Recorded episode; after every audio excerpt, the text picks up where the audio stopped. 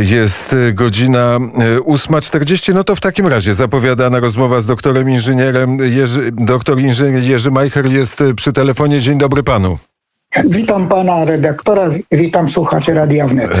Ten pociąg nasz się spóźnił o całe 11 minut, więc mamy kilka minut na rozmowę na temat polskiej polityki energetycznej. Ogłoszono, że w końcu mamy plan e, tego, jak ma polska energia wyglądać do 2040 roku. I co pan inżynier o tym sądzi?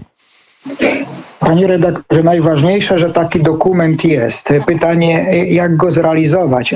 E, to jest e, wyzwanie dla całej naszej społeczności. Tak jak przedmówca mówił, jestem obywatelem tego kraju i jestem zaniepokojony jako specjalista y, tym, y, co zostało zapisane. No ale trudno. Pacta sunt servanta. Y, jeśli mamy zobowiązania, które przyjęliśmy na poziomie Unii Europejskiej i mówimy, że sprawiedliwa transformacja ma być, zerowo emisyjny system energetyczny i dobra jakość powietrza, to rodzi się pytanie, jak to osiągnąć. Mianowicie y, piszą y, y, politycy, że to przez rozwój rynków energii. Ile tych rynków jest? No towarowa giełda, mamy rynek mocy, rynek bilansujący i OTC, czyli rynek bilateralny. I powiem tak, z doświadczeń całego świata, mimo deklaracji, Nigdzie w cywilizowanym świecie, gdzie wprowadzono liberalne zasady e, e, funkcjonowania rynków energetycznych, nie doprowadziło to do obniżenia cen, a wszędzie jest wzrost cen. Zatem e, pobożnym życzeniem z całą pewnością jest deklaracja o jak najniższym poziomie cen energii.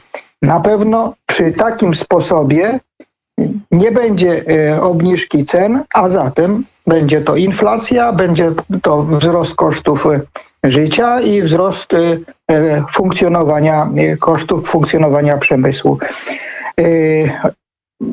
Proszę pana redaktora, proszę zobaczyć. Mamy jednocześnie ogromną ingerencję naszego zachodniego sąsiada, mającego w nosie Solidarność Europejską, prawda? E, I jednocześnie próbujące ingerować e, w plan rozwoju energetyki jądrowej w Polsce. Absolutnie nie ma zgody na to. Jeśli 50% emisji CO2 w Polsce jest po stronie ciepłownictwa i mówi się, że to będzie gospodarka wodorowa, prawda, pompy ciepła, to w żaden sposób rozsądny inżynier dzisiaj nie powinien powiedzieć, że to jest dobra droga. To jest zła droga, a mamy inną alternatywę. Uważam, że trzy ministerstwa, Ministerstwo Klimatu, Minister Rolnictwa i Minister Rozwoju Regionalnego powinny razem opracować, e, panie redaktorze, plan, narodowy plan rozwoju krajowej biomasy wykorzystywanej w ciepłownictwie.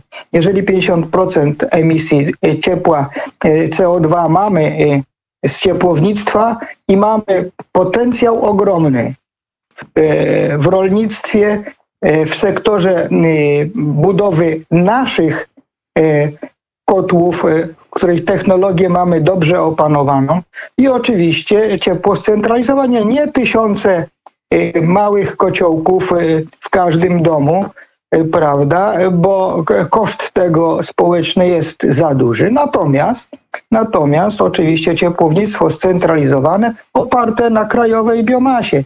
Mamy 20 Panie, panie, milionów ton y, krajowej biomasy i ją trzeba wykorzystać. A w, jest projekt, w jaki sposób ma e, ta nasza energia, energetyka przechodzić do e, nowej rzeczywistości zero transmisji? Czy tam jest uwzględniona e, biomasa i ta siła biomasy, o której mówi pan inżynier?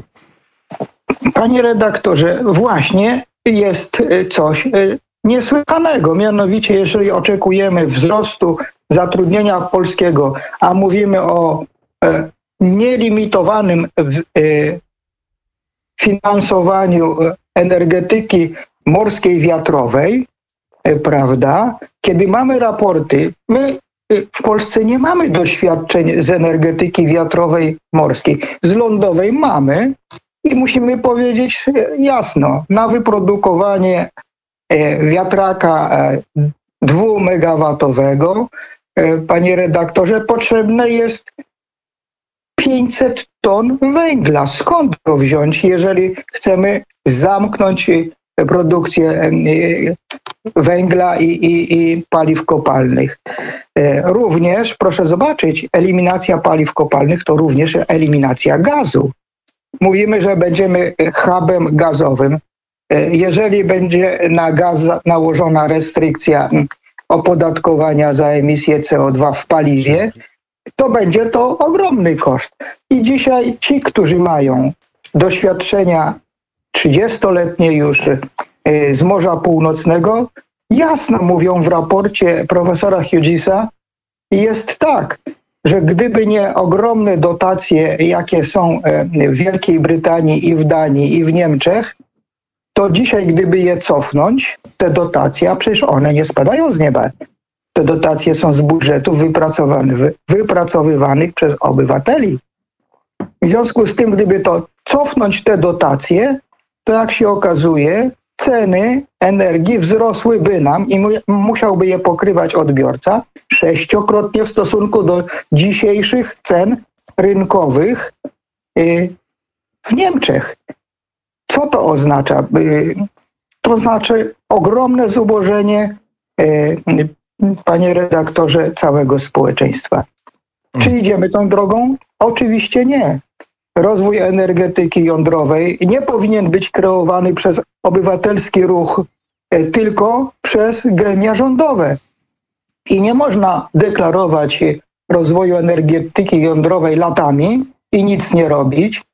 Natomiast w miejsce e, elektrowni konwencjonalnych, e, ponieważ istnieje infrastruktura sieciowa, której budowa jest szalenie trudna przy obecnej legislacji, trzeba budować źródła jądrowe, czyste, tak, niezależnie od tego, czy to się Niemcom podoba, czy nie. Proszę zwrócić uwagę, Czesi budują kolejny blok e, w Dukowanach, ogłosiły jasno, bez technologii Rosatomu i bez technologii chińskich. Więc pozostaje przy czterech możliwych innych e, opcjach tylko dwie do, do wyboru, przy czym Czesi są w stanie zrobić sami. 60% infrastruktury w elektrowni jądrowej sami. To samo Słowacy przestawili swoje systemy e, z e, byłych radzieckich na, na systemy paliwowe, takie jakie obowiązują w systemie e, zachodnim i sobie z tym radzą. A u nas cały czas o tym mówimy i zniecierpliwieni już ludzie sami po prostu założyli obywatelski ruch związany z tym, żeby, I e, o- panie redaktorze, budować elektrownie jądrowe szybko, sprawnie i, i zeroemisyjnie. I o tym, panie inżynierze, będzie okazja e, porozmawiać. Bardzo serdecznie e, dziękuję. Proszę uprzejmie.